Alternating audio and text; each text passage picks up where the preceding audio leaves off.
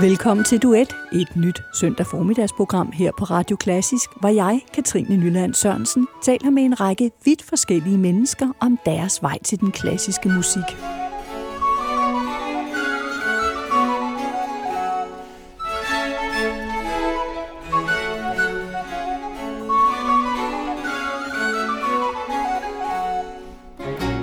Min gæst i dag er Michael Bøjesen, skal jeg komme med et par nedslag i hans meget lange CV, kan jeg nævne, at han i over 10 år var chefdirigent for DR Pigekoret, og at han har været direktør for Copenhagen Opera Festival.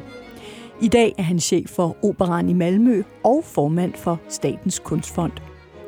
Han har ikke særlig meget fidus til, at vi i Danmark så gerne vil skelne mellem finkultur og populærkultur, og så bliver han utrolig glad, når publikum klapper begejstret i alle satspauserne til en klassisk koncert, for så ved han, at der er tale om helt nye publikummer, der lige har opdaget den klassiske musik. Jeg mødte Michael Bøjsen i hans nyindkøbte sommerhus i Vedinge Bakker i Nordvestjylland.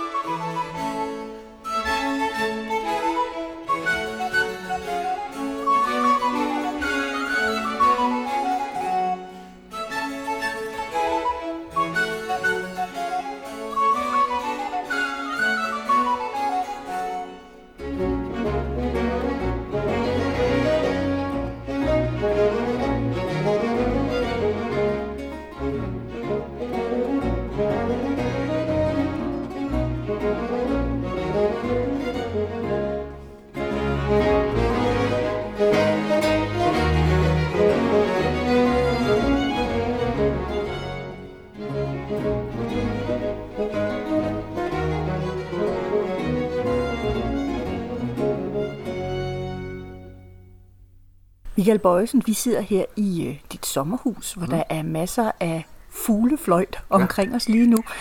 Når man arbejder så meget med musik, som du gør, er der så nogensinde stillhed?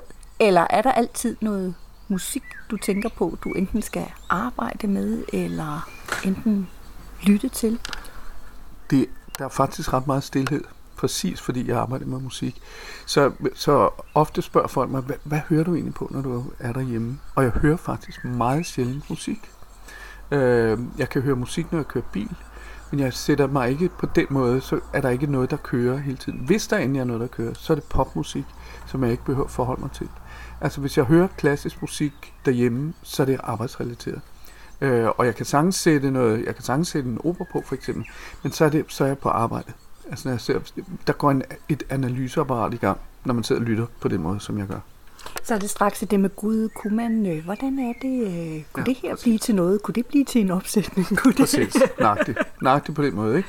Og, og, og netop, jeg kan huske, da jeg faktisk, da jeg selv underviste i musikgymnasiet, at noget af det første, jeg sagde til de folk, der valgte at have musik på højniveau, som det hed dengang, det var, I kommer aldrig til at lytte til musik på den måde, som I har gjort nu. For I kommer altid til at, at, at sidde og analysere, og det er meget svært at lytte til klassmusik, uden at der er en eller anden form for analyse. Enten, som du siger, at man sidder og tænker, om er det en opsætning, jeg skal sætte op på Malmø Opera, eller er det, eller man sidder og, er det en, en, øh, den akkordvending, han bruger der, er jo genial. Øh, og selvfølgelig også som dirigent selv, har, lytter jo meget på og forholder mig til den tolkning, der er, øh, og som det næsten altid er, hvor man siger, jeg ville have gjort det på en anden måde. Du har øh, valgt som det allerførste, at vi skal høre et uddrag fra øh, Wagners øh, Tristan og Isolde. Hvorfor det? Jamen altså, fordi Wagner er bare det største. Altså sådan, øh, jeg, som mange andre mennesker, så er Wagner kommet ret sent til mig i mit liv. Øh, opera generelt, kan man sige, som jeg nu sidder som operachef, så er operaen kommet generelt lidt sent til mig, og Wagner er kommet ret sent. Øh, men når man ligesom er dykket ned i det der univers, øh, så må man bare erkende, at det er altså storhed. Man står over for noget, som er langt større end en selv. Og der er intet galt. Vi kommer også til at høre noget af Puccini, Puccini Verdi, alle de der store operakomponister, Mozart osv. Men hele det der øh, univers, som er så komplekst, øh, og som er som på en eller anden måde er liv og død på en helt anden måde, synes jeg. Øh, det er det er der ikke noget, der slår. Og hele Tristerne solgte forspillet Libestol, det er simpelthen, altså jeg bliver aldrig træt af at høre på det. Det er interessant, det du siger, at Wagner kom sent til dig. Jeg tror selv, jeg var omkring 25-26 eller sådan noget, før jeg begyndte at kunne ligesom forstå, forstå Wagner. Og jeg hører det fra rigtig, rigtig mange. Også altså, sanger, øh, folk, der arbejder professionelt med musik. Hvad er det med Wagner, der, der gør nu, hvis du tager analyseapparatet på? Mm. Jamen, jeg tror, det er, det er, jo, det er jo ikke mindst, øh, fordi formen er så stor. Altså, det, er, det er jo fordi, det er komplekst. Altså, det svarer til, at når vi starter med at læse bøger, så læser vi jo heller ikke øh, den meget, hvad skal man sige, poetisk eller ordrige øh, murstensroman på 1000 sider. Vi starter med at læse noget, hvor det er nogle små afsluttede historier, eller noget, som er som har sådan en eller anden meget logisk, øh, hvad hedder det, ud og hjem historie, ikke? som vi kan forholde os til. Og Wagner er bare noget andet. Når man, når man lytter på Wagners øh, arier for eksempel, altså de er jo ikke afsluttet, de er jo ikke afsluttet, de bliver ved. Altså det er så gennemkomponeret, øh, hvor du kan sige, at en, en værdig arie eller Puccini arie, det er jo sådan meget, det er et afsluttet forløb, øh, som er forholdsvis kort. Øh, Mozart på samme måde.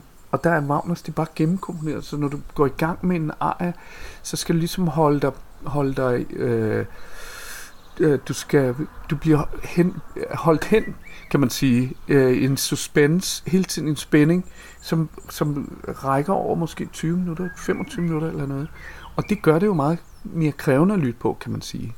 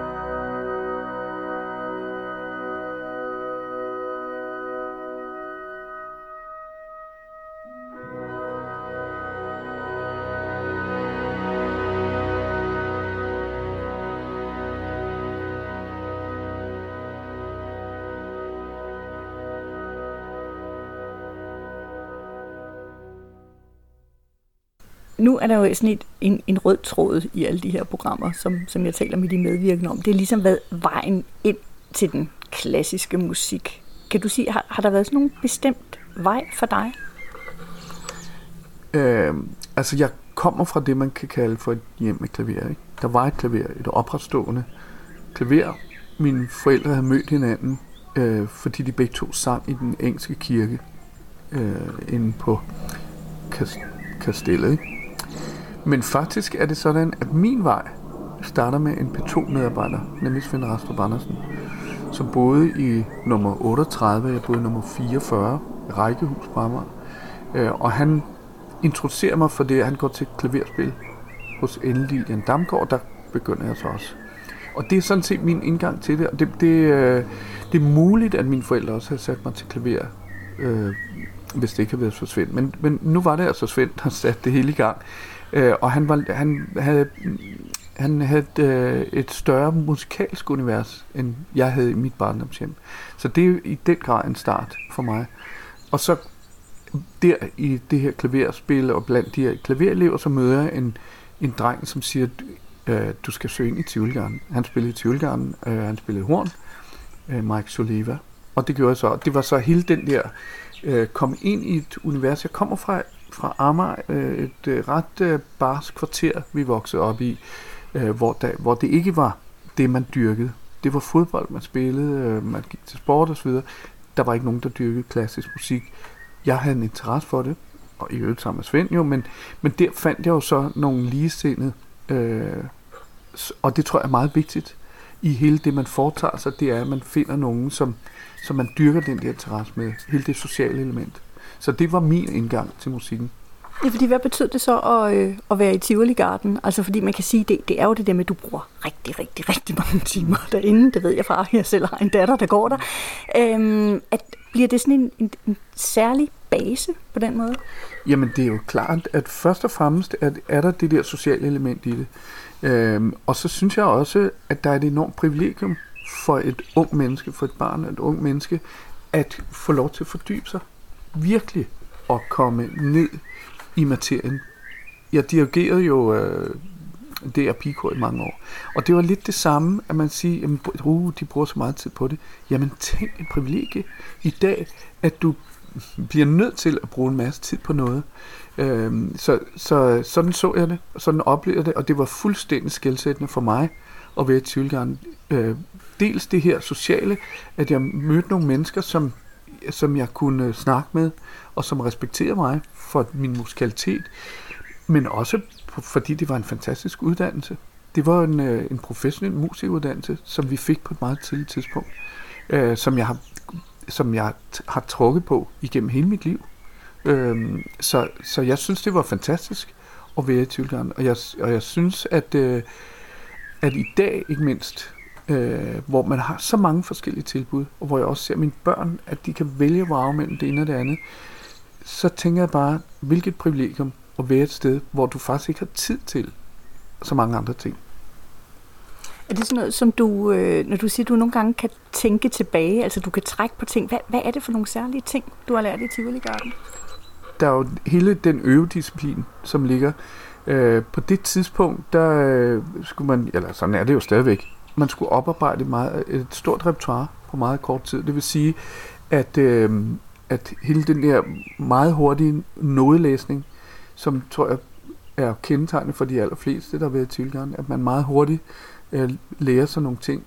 Det er, var for mit vedkommende, øh, havde vi en dirigent, der hed Helge Nielsen. Han var hornist, og han, han, øh, han arbejdede meget med intonation, for eksempel. Øh, og hele den der skærpelse af øh, intonationsbevidstheden, øh, hele det teoretiske selvfølgelig, øh, det, det er nogle ting, som jeg stadigvæk trænger meget på. Du har øh, valgt, at vi skal høre noget Maler, mm. som du har et særligt forhold til. Jamen altså, Maler er jo, ved siden af Wagner, han er jo også en af de helt store. Jeg havde for halvandet år siden, så var der Sonning-prisoverrækkelse inde i operaen. Det var Marius Jansson, øh, dirigenten, der fik prisen. Han dirigerede det kongelige kapel, øh, og to operakor, for det var Malmø Operakor, der var med sammen med, med operakoret fra Hånd. Øh, og, de, øh, og han dirigerede altså Mahlers anden symfoni. hele denne her øh, genopstandelsessymfonien, som, øh, som jeg har hørt mange gange, men dengang ramte den mig helt særligt. Øh, og der er jo det, det, det er jo en symfoni, som på en eller anden måde beskriver hele vores liv fra fødsel til død og til måske genopstandelse. Øhm, og man bliver sidder i de første tre satser, som er instrumentale, der bliver man banket igennem følelsesmæssigt. Og så kommer, efter den tredje sats, så rejser mezzosopranen sig op og synger helt a cappella. Øh, og bagved jeg får helt gåsehud, når jeg fortæller det igen her, men, og bagved så har man stillet messingblæserne, så er det sådan en fjern orkester, som spiller den smukkeste koral. Og jeg kunne simpelthen ikke, altså jeg græd, jeg, jeg, jeg hulkede nærmest, altså fordi det var så gribende, og det var så berørende. Og jeg tænkte, det er jo simpelthen det, der er, det hele kunstens essens, det her. Det er, at vi bliver flyttet, vi bliver, vi, der bliver plads til eftertanke. Jeg sad den her en time og et kvarter, øh, og blev banket gennem hele mit liv. Øh, hele den refleksion, der var på det. Forståelsen af liv og død. Øh, og så det, tror jeg, som er ret stort, det er, det var min oplevelse, men jeg oplevede den sammen med 1500 andre mennesker. Altså det var en fællesskabsoplevelse. De har haft, alle der sad der havde deres egen oplevelse af det, men vi oplevede det i fællesskab. Og vi blev en del af et større fællesskab, nemlig alle dem, der har hørt på den her symfoni, siden han skrev det i hvad, 1902 eller sådan et eller andet. Og det fællesskab, som fortsætter til mennesker, der om 100 år skal høre Mahler, og får den samme refleksion som menneske med liv og død. Så derfor skal vi høre denne her fjerdsats, som er så overjordisk smuk.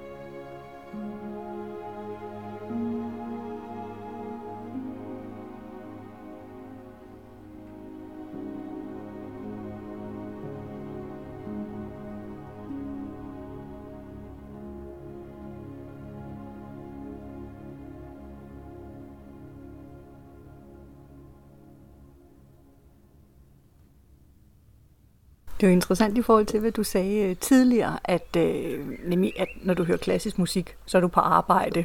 Du forbinder det med arbejde. Men det kan jo stadigvæk røre dig. Ja, for søren da. Altså, hvis det ikke kunne det, så, så skulle jeg jo finde noget andet at lave, tror jeg. Altså, øh, det har jeg jo i virkeligheden oplevet i mit liv. Altså, opleve musikere, som på den måde er træt, blev trætte af musikken. Øh, og det tror jeg må være noget af det mest pinsomme. Jeg kan blive træt af, af selve den øh, konvention eller den øh, liturgi, der ligger i en traditionel klassisk koncert, for eksempel. Det kan jeg godt blive træt af. Men selve musikken, den berører mig. Og hvis den ikke berører mig, så gider jeg ikke høre på det. Altså, så kan det være ligegyldigt. Øh, hvis man går til en koncert med noget, hvor man sådan set bare afliger nogle toner, og ikke hvor man kan mærke, at der er noget på spil for alvor, øh, så, så, så er musik forfærdelig. Men der, hvor, den bliver, hvor, hvor vi bliver berørt af det, øh, hvor, vi, hvor det gør, at vi udvikler os som mennesker, får et nyt syn, øh, stopper op, øh, tænker over noget, altså, og ikke mindst bliver berørt, enten på den ene eller den anden måde. Det er det, som, som kunsten kan. Det er det, musikken kan i særdeleshed for mig, men det er jo det, kunsten kan, og derfor er, at kunsten er så utrolig vigtig for os mennesker. Men er det også der, hvor det nogle gange kan være vanskeligt i nogle af de positioner, som du sidder, altså både om det er Statens Kunstfond eller det er chef for Malmø Opera, at på den ene side skal du jo være inde i det meget, meget administrative, og samtidig arbejder du med noget, som handler om kunst. Musik, der rører os, kunst, der rører os. Jamen, jeg synes, jeg synes det er forbundet, og, og, og mit lederskab, kan man sige, både det ene og det andet sted, bygger jo på min passion for det. Altså, og øh, jeg har på den måde har jeg jo ikke den store erfaring. Jeg er på den måde, jeg er jo ikke uddannet øh, som, øh, som øh, chef. Jeg, jeg er administrativ chef jeg for 300 mennesker. Men det er udgangspunkt i min passion for musikken, for operaen i det tilfælde, og på samme måde med Statens Kunstfond, øh, at det, det, er, det, er jo, det er jo det, som det hele baserer sig på. Det er det, jeg kan, og det er det, øh, som jeg gerne vil bibringe. Øhm, og hele det at formidle kunsten er, ser jeg jo som en meget væsentlig del af, af vores billede i dag. Øh, det har jo ændret sig meget, men hvis man ser rundt omkring, så er de chefer, der sidder på museer øh, og på kulturinstitutioner generelt, det er jo formidlere. Øh, Rane Villerslev for eksempel er måske heller ikke den helt store øh, administrator, det ved jeg ikke, men han er i hvert fald en smadret god formidler. Kasper Holten, han er en rigtig dygtig chef, men han er en kanonformidler. Gitte Ørskov på kunsten og så videre, så videre, så videre. Og det er jo det, det handler om i dag, tror jeg. Når man for eksempel har haft denne her diskussion øh, før valget om folkelig og elitær kunst, synes jeg, det er noget sludder, fordi jeg, der er ikke, for mig er der ikke noget kunst, der er elitær. For al øh, kunst skal formidles, hvis det bliver formidlet på den rigtige måde til den rigtige modtager. Vi skal vide, hvem modtageren er, og så formidle det den vej øh, så er der ikke noget, der er elitært. Så er alt i og for sig bredt nok, hvis vi forstår at formidle det på de niveauer, som det skal formidles. Og man må sige, der har du jo også selv altså, righoldige erfaringer, altså både fra alt fra øh, pigekoret over Copenhagen Opera Festival, og så nu til, øh, til Malmø. Ja, det må man sige, og jeg, altså, jeg, jeg tror, at det igen, det bærende element har vel bare været min egen passion. Og når jeg sådan kigger tilbage, fordi det er jo vidderligt meget mangfoldigt, det jeg har foretaget mig, så har den røde tråd i alt det, jeg har lavet, det har faktisk været min glæde ved at dele musikken med andre. Øh, det har det været som dirigent, øh, øh, det har det været som komponist, og det har det været som ja, direktør for Copenhagen Opera Festival. Altså, det har simpelthen været det samme element. Øhm, og derfor, når folk for eksempel har spurgt mig, hvordan, hvordan kan du undvære at dirigere og skrive musik, øh, øh, når du sidder som administrativ chef og kunstnerchef på Malmø Opera, så at sige, jamen, ja, jo, indimellem så savner jeg det at dirigere, men faktisk så, så er det nøjagtigt det samme, netop at når, det er glæden ved, når jeg er faldet over en opera, eller, øh, øh, eller en instruktør, eller et eller andet, og tænkt, det må jeg dele med nogle andre. Det skal 20-25.000 mennesker på Malmø øh, Opera, det skal de have oplevet. Den der glæde, det har været det bærende element i alt, hvad jeg foretager mig. Og den er glæde selvfølgelig baseres på min passion for musikken. Du har valgt, at vi skal høre øh, Ibn Ørholm. Det har jeg, fordi Ibn Ørholm, han døde tidligere på året. Og han er et menneske, som har betydet utrolig meget for mig. Jeg øh, havde ham i... Øh, han underviste på konservatoriet, da jeg gik derinde. Øh, jeg havde ham i... Ja, en form for... Jeg tror, det var musikhistorie eller musikvidenskab eller et eller andet. Øh, og han var et fantastisk vidende menneske. Han havde en... Øh, en øh, han var en stor pædagog også. Han, øh, og øh, han var et menneske med, med en stor varme, øh, stor humor, og så synes han, var en fantastisk komponist faktisk. Øh, så jeg har urført en del værker af Ib, først og fremmest kormusik, øh, som jeg har bestilt hos ham, øh, og jeg synes, han er øh, en komponist, som, øh, som netop bevarede hele den der melodisprog, som går en linje ned til Carl Nielsen. Øh, I passede selv håndbog som lærer, håndbog, som jo også havde haft Carl Nielsen osv. Altså hele det der melodisprog, synes jeg, han er fantastisk. Øh, og derfor er det også de der de danske sange, altså, øh, som går ind i hans korværker, som øh, synes jeg er, er fine. Øh, jeg har oplevet en opera, som han havde skrevet øh, for en del år siden. Dem satte de op her for et par år siden inde på konsultoriet, og var sådan helt øh, øh, blev sådan helt slået af, hvor genialt og originalt det var. Og det var sådan, at, øh, at indtil for ganske nylig, så var det sådan, at jeg med jævne mellemrum besøgte ham ude i hans, øh, i hans hus, ude på Henningsens Allé, ude i Hellerup. Så tog jeg en basse med, eller også Jenny, hans kone, bagte noget hjemmebag. Og så, sad han, så blev han lidt opdateret på, hvad der foregik ude i det pulserende øh, musikliv. Jeg kunne rigtig godt lide ham, og det er et stort tab for os i dansk musikliv, at han ikke er længere. Øh, så derfor skal vi høre noget af ham, og vi skal høre et øh, stykke kor musik, øh, som jeg faktisk var med til, eller jeg, som jeg dirigerede øh, på en udgivelse af Ibn Holm.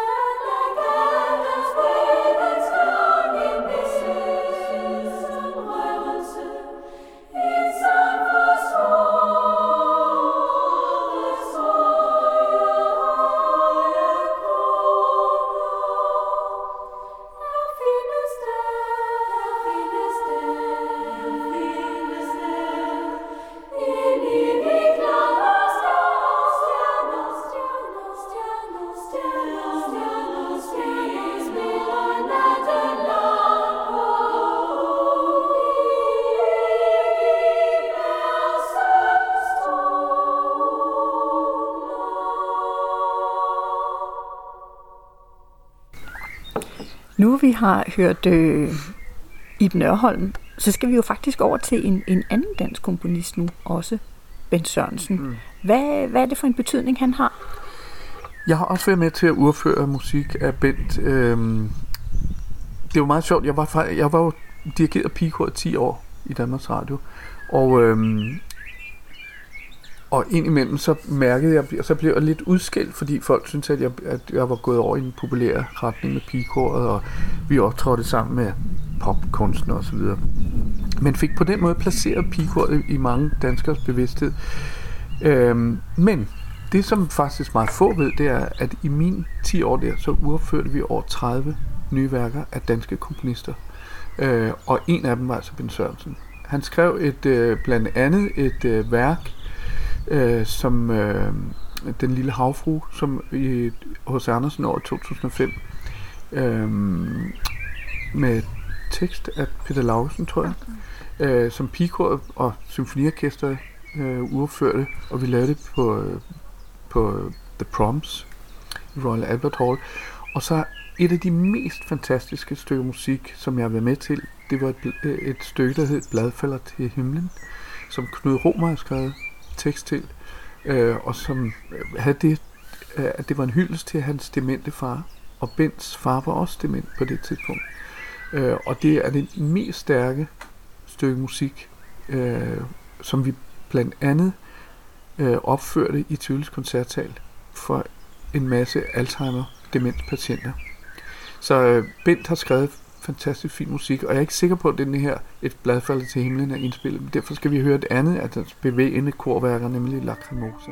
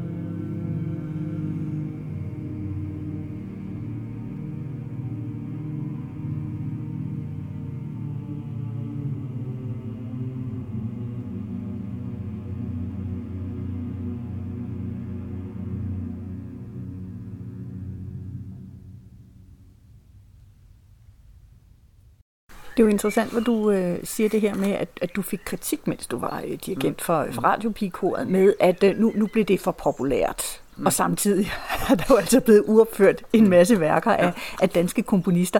Er det igen det der, fordi du vil ikke rigtig skælne, som du siger, mellem hvad er det øh, elitære, hvad er det folkelige? Nej, altså jeg synes, det er, øh, det er meget mærkeligt, at vi stadigvæk i, her i 2019 har den her meget skarpe skældning med genre. Øh, og, øh, og, og vi har et ord som finkultur, som er et forfærdeligt ord i mine øh, øjne eller ører. Øh, jeg oplever faktisk i Sverige, der er ikke helt den samme opdeling, og det tror jeg, fordi den, at den svenske folkemusik er så forankret i både deres slagermusik, altså den populære musik, og også kompositionsmusikken. Altså de har, alle svensker har et forhold til deres folkemusik. Og der har vi sådan lidt mere, at vi vrænger lidt på næsen af noget, der bliver for populært. Altså så er det ikke fint nok. Og sådan har jeg det altså ikke. Øhm, og, jeg, og jeg tror, at igen er det simpelthen, at vi må, vi, vi, vi må betragte kunst og musik som mangfoldigt, og os selv som mangfoldige. Øh, når vi også, når vi, når jeg indimellem også som formand for Statens Kunstfond skal ind i en diskussion, for eksempel af, hvorfor støtter vi det her? Det er jo kejserens nye klæder. Og hvorfor skal skattepengene gå til at finansiere øh, øh, for eksempel nogle A4-sider, hvor der står, Lars Løkke er død og sådan noget. Så må man bare sige, det er simpelthen noget nonsens, at kunst kun er én ting. Og, øh, og vi må tage nogle chancer, øh, når vi nu snakker om Statens Kunstfond for eksempel, så ved vi jo ikke, om, om det er stor kunst om 50 år. Det må eftertiden vurdere. Men hvis vi ikke sætter nogle skibe så har vi ikke den store kunst. Når vi lytter til et værk som øh, Sacre du Printemps, for eksempel af Stravinsky, blev det buet ud, da det blev uopført i 1913. I dag er det, er det jo et af de helt store øh, hjørnestene i den klassiske musik. Og sådan er det med kunst, øh, at, øh, at den er mangfoldig. Så i mine øjne er der ikke, øh, er der ikke noget, der er finere end andet vi kan sagtens kigge på noget, der er øh, kvalitet i. Og jeg synes, der er masser af popmusik, der er dårligt, fordi det er dårlig kvalitet. Der er noget popmusik, som er fantastisk, fordi det er kanon kvalitet. Og sådan er det også med den klassiske musik, og sådan er det med al musik. Så vi må kigge på kvaliteten, og det er jo så rigtig svært, hvad, hvad kunstnerisk kvalitet er for noget. Det er jo noget, som vi, som vi hele tiden tager op i Statens Kunstfond.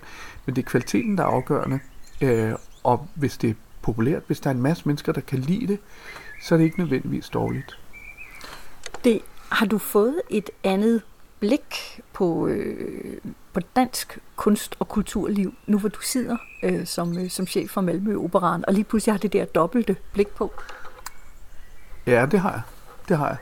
Øh, man skal ikke være særlig langt uden for sit eget lands grænser, før man pludselig ser tingene lidt mere i et øh, perspektiv. Og en af de ting, som øh, vi snakker om herhjemme, det er jo, at svenskerne har den her korrektness. Altså, de, de er så politisk korrekte. Og det sjove er, når man har været i Sverige et stykke tid, så synes man egentlig, at øh, Danmark på nogle felter simpelthen er så forældet og gammeldags. Altså, i hele... Øh, i hele den måde, vi udtrykker os på, hvor vi holder fast i nogle konventioner. Det kan være både kønspolitisk, men altså også inden for scenekunsten, ikke mindst øh, hvor jeg synes, man er, er meget længere i Sverige. Det er en hårfin balance. Øh, men, øh, men man kan sige, at generelt er hele mit øh, kunst- og kultursyn jo øh, utrolig øh, øh forandret, efter jeg blev formand for Statens Kunstfond, fordi jeg beskæftiger mig jo med nogle områder, som jeg faktisk aldrig rigtig har beskæftiget mig med før. Jeg har ikke på den måde øh, været specielt optaget af øh, kunsthåndværk og design. Det her er et enormt privilegium for mig. En fantastisk mulighed for at komme ind i nogle felter, som jeg ikke på den måde beskæftiget mig med før. Men der er forskel, for at vende tilbage til spørgsmålet her, så er der jo forskel på, øh, på den svenske og den danske kultur, og det præger selvfølgelig også hele kunstbilledet. Men der er også en anden ting, fordi øh, nu hvor du sagde, at det øh, ligesom i Sverige, hvor man har et forhold til sin folkemusiktradition. Man har også en meget, meget stolt poptradition. Det er jo ligesom også kæmpe stor eksportvare. Mm. Der er også en ting, nu hvor vi har talt meget om sang, som jeg altid synes, der er lidt imponerende, når du kommer til Sverige. Altså til selv almindelige familiefester, så kan folk jo synge tostemmigt, trestemmigt ja. på en helt anden måde. Altså oplever du også, at der, der er nogle andre traditioner, der er forankret ja. på en anden måde? Jamen i den grad. Og, det, og vi i Danmark ved jo, at svenskerne synger rigtig meget nøjagtigt, som du siger, at så synger man, øh, øh, man sidder og synger, og man kan lægge stemmer på alt muligt. Men det interessante er, at det er et meget begrænset repertoire, faktisk. Altså det er måske en, ja, 10-20 sange, eller noget. Øh, sådan et øh, Helengård, og det er, er hvad hedder det, Skærgårds øh, vemod og alt muligt. Men svenskerne har ikke den rige højskolesangstradition, som vi har. De har ikke en sangbog, der rummer 572 sange, som bare er en brøkdel af alle de sange, som eksisterer, som er skrevet i Danmark. De har ikke på samme måde de der årstidssange. De har ikke de der sange, som maner til eftertanke. De der, øh, hvor vi bliver lidt klogere hver gang. Altså, den der rige højskoletradition er jo faktisk vores folkemusik. Øhm, og det var meget sjovt, fordi da jeg, da jeg øh, tiltrådte som chef på Malmø Opera, så ville jeg gerne, at vi indledte, vi havde sådan en almen samling, som det hedder, alle ansatte samles i, i salen, og så skulle vi synge en sang. Øh, og der var det svært for det første at finde en svensk sangbog. Altså der indgår, der er en masse af de der øh, populære sange, altså ABBA-sange og sådan noget, halløj. Øh, men e- egentlig ikke så meget, jo der er Bellman og sådan, men der er ikke der var simpelthen ikke det der gods, og det var, det var svært, at øh, når jeg spurgte dem, jamen, hvad kan vi synge sammen?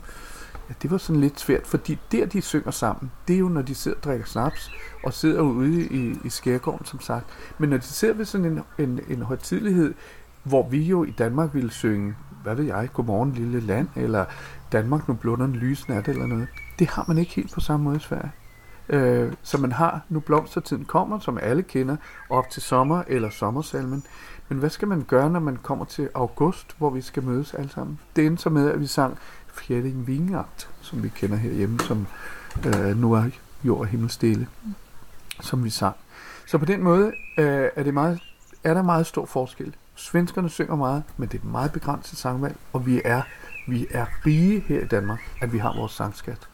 Alt det, vi har hørt indtil videre, har faktisk været sang. Men, øh, men opera her skal vi selvfølgelig røre. Og, og Puccini er jo den, altså, det er jo den største. Nu sætter vi Tosca op her øh, på Malmø Opera i december, øh, for at fejre vores øh, 75 års jubilæum, øh, som er vel en af de største operer, der nogensinde er skrevet. Men vi skal nu høre noget fra en forholdsvis ukendt opera eller operette, er der nogen, der mener, en af hans sidste, den der hedder Il Rondine. Øh, og der skal vi høre, den øh, øh starter med en tenor, og så, øh, så, kom, så kommer sopranen med det mest vidunderlige melodi og tema, Che il bel sogno di Doretta.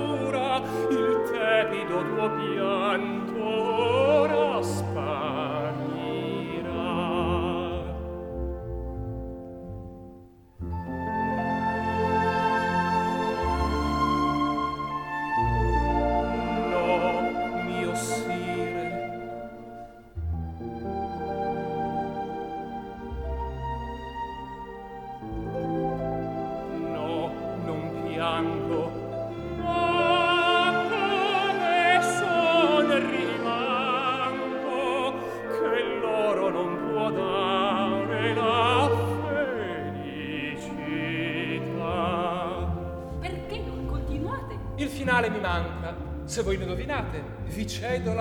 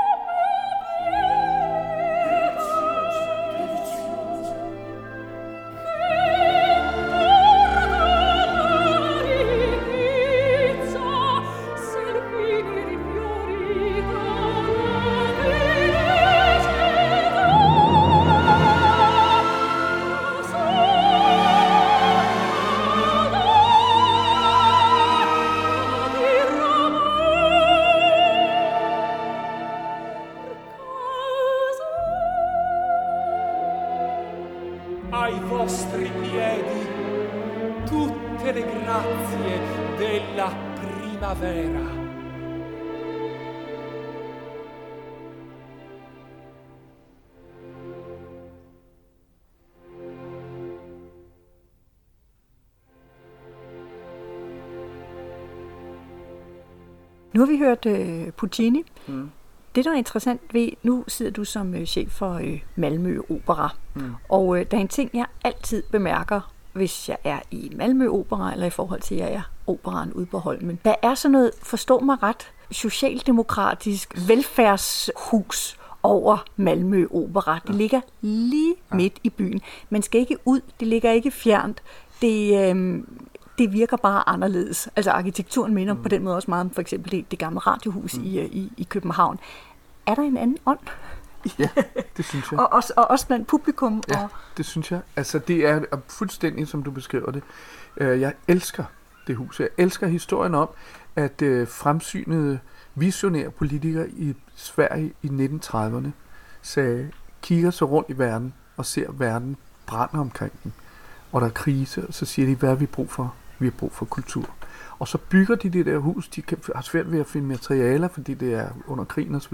Men de bygger det, og de, de laver en arkitektkonkurrence, øh, og kan ikke rigtig finde ud af, hvem der skal vinde den. Så de tre vindende arkitekter, de bliver øh, dømt til at skulle samarbejde om det, så det er rigtig sådan et øh, fællesskabsprojekt. Øh, Øh, Leverant, som er den helt store arkitekt på det tidspunkt, øh, KF, det er ham, der ligesom får sat sit øh, største præg på det.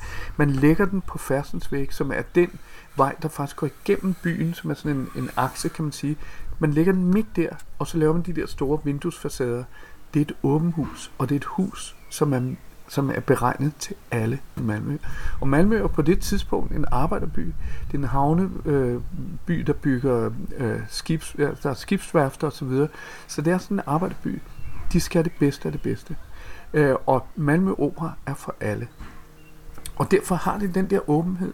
Derfor, øh, øh, og, og man bygger det også som et, sådan et, et, et multifunktionelt hus, så vi kan indrette salen faktisk i fire forskellige størrelser. Øhm, øh, men hele det der med, det er for alle. Det elsker jeg, og det synes jeg præger huset stadigvæk. Der er en stolthed af de mennesker, der er kommet igennem huset. De er stolte af deres hus. Øh, og vi, vi, øh, man kan sige, at Malmø har været under stor forandring. I dag er det sådan, at 50 procent af alle beboere i Malmø er af anden etnisk herkomst end svenskere. Så vi skal være relevant for alle. Øh, og det gør vi med en masse tiltag. Øh, nu har vi haft premiere øh, på vores anden sæson af Opera på en lastbil, for eksempel, hvor vi kører rundt i Skåne, først frem til Malmø på forskellige pladser, i Rosengården, på Møllevangstorv osv., og viser opera for alle. Øh, og det er den tanke, der gennemsyrer huset. Stor turnévirksomhed i hele Skåne. Øh, kom ud til alle folk. Billetpriserne er lave, fordi det skal være tilgængeligt for alle. Det er et tilgængeligt hus, og jeg elsker det. Der er en fantastisk stemning på den måde. Men gennem, altså, kan I så også se det? Altså, kommer I så i kontakt med de her nye grupper i byen, som I gerne vil? Ja, det synes jeg. Det gør vi. Vi, vi har nogle andre projekter også. Vi har noget, der hedder ACT, øh, som er en, en ung pige med en arabisk baggrund, som, som, øh, som, har, som har lavet sådan en... Øh, et projekt, øh, hvor, øh, hvor mellem 30-40 mennesker, som hun kalder for unge voksne, altså mellem 18 og 30 år, mødes en gang om ugen som sådan ambassadører og laver forskellige arrangementer, som de så inviterer ind til. Så vi har, vi har mange forskellige mennesker i huset. Øh, men først og fremmest vil jeg sige, at det der med, at vi, vi har ikke, øh, jeg synes ikke på den måde, at man får en fornemmelse af, at der er en social ulighed. Øhm, svenskerne er meget sjove, fordi de er, sådan, de er jo lidt mere formelle end vi danskere. Så alle klæder sig pænt på, når man går i operan. Altså, øh, men, ja, men man fornemmer ikke, at det er en overklasse. Malmø Opera er for alle, og der er jo et andet element i det. Noget af det, som gør, at Malmø Opera er for alle, det er jo i vores repertoirevalg. Vi har meget bredt repertoire. Det er ikke kun opera, vi spiller, det er musicals også, og den tradition har ligget helt fra starten. Øh, Malmø var operetternes by. Oscar Vinge hed ham, der indførte hele det der, og som brændte for operatten. Operetten er gået over musicals, så halvdelen af det, vi sætter op, ej, ikke halvdelen, men altså, vi spiller jo en til to store musicals om året, øh, og det vil sige, at vi, har, vi får et, et meget bredt publikum ind, og vi sørger for, også for, at, at, at vores øh, repertoirevalg generelt er meget bredt. Så i den kommende sæson her har vi både nyskreven opera af, af, af Sebastian Fagerlund, øh, den finske komponist, øh, baseret på Bergmans Høstsonaten. Bergman var jo chef på Malmø Opera, på et, eller Malmø, dengang det Malmø Stadsteater i 50'erne. Øh, vi spiller Benjamin Britten, Skærsomnærs Strøm, vi spiller Tosca. Altså meget forskellige former øh, for genre. Og det gør, at vi kommer i berøring med et stort, bredt publikum. Egentlig første gang, jeg var over og besøge øh, Malmø Opera, da jeg var blevet udnævnt, det var en øh, klassisk koncert, for vi laver også klassiske koncerter. Og øh, der spillede orkestret en helt traditionel Mozart, Brahms symfonier, ikke? Og, jeg, og det, det var så lang tid siden, jeg har hørt, at der blev klappet ihærdigt mellem alle satserne. Og jeg blev så lykkelig, for det betød, at det var et nyt publikum, der var inde.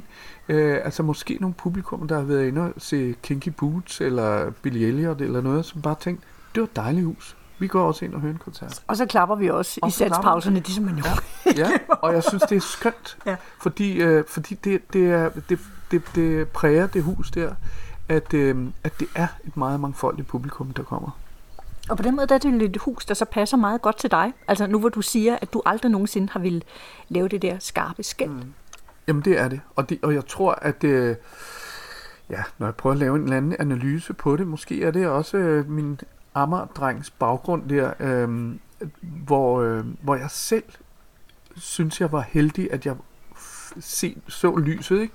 Øh, kommer fra nogle rammer, hvor man måske ikke automatisk har gjort det det er det samme, der præger mit arbejde i Statens Kunstfond. Altså hele den der ideen om, at, øh, at vi som samfund har en forpligtelse til, at alle mennesker, øh, de skal ikke have tvunget kunst ned, men de skal i hvert fald have muligheden for det.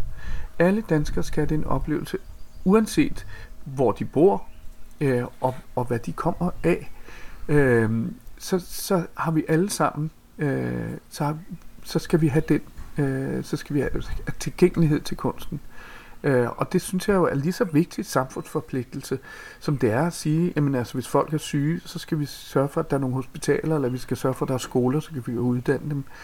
Det er, at hele den dannelse, der ligger i kunsten, og den oplevelse, den er vigtig, og det, det er en samfundsforpligtelse, og den skal ud til alle. Den skal ikke bare ud til en lille kulturelite, som har set lyset men alle skal have mulighed for det.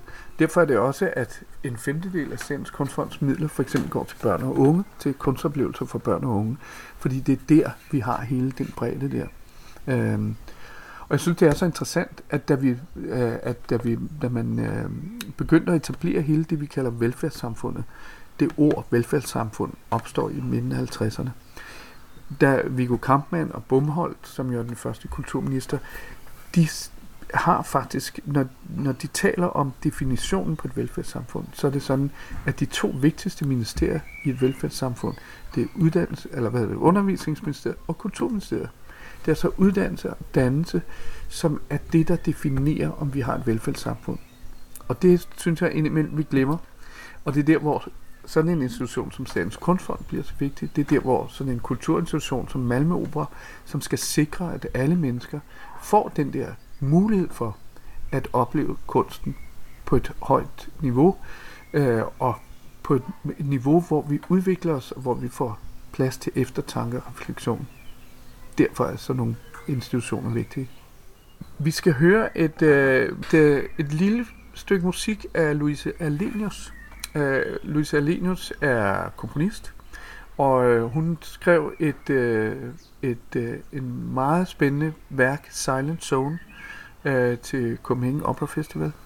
Øh, og hun er spændende, fordi hun netop heller ikke skældner mellem klassisk og, og pop og så videre. For hende er genre ikke interessant. Øh, og hun, har, hun, hun har, synes jeg, viser nogle helt nye veje at opleve kunsten på. Hun stod bag det på Røset for eksempel. Øhm, og, og den, øh, den sang, som vi skal høre hende selv synge, øh, og som hun har skrevet, den viser netop det her øh, øh, feltet mellem, er det her klassisk, er det pop, hvad er det for noget? Det er sådan set ligegyldigt, fordi det er rørende, når jeg lytter på det.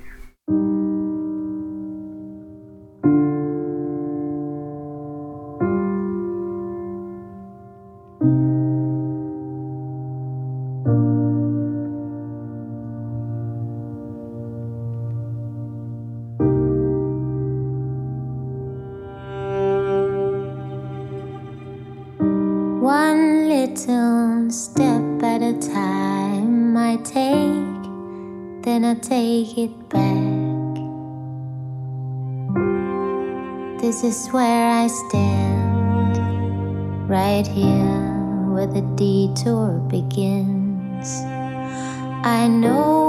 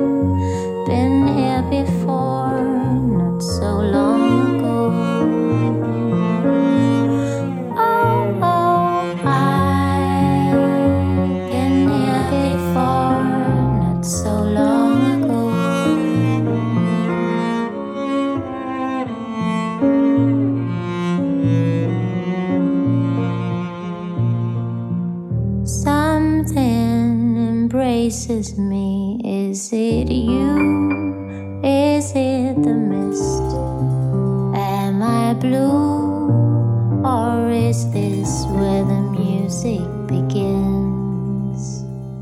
I know.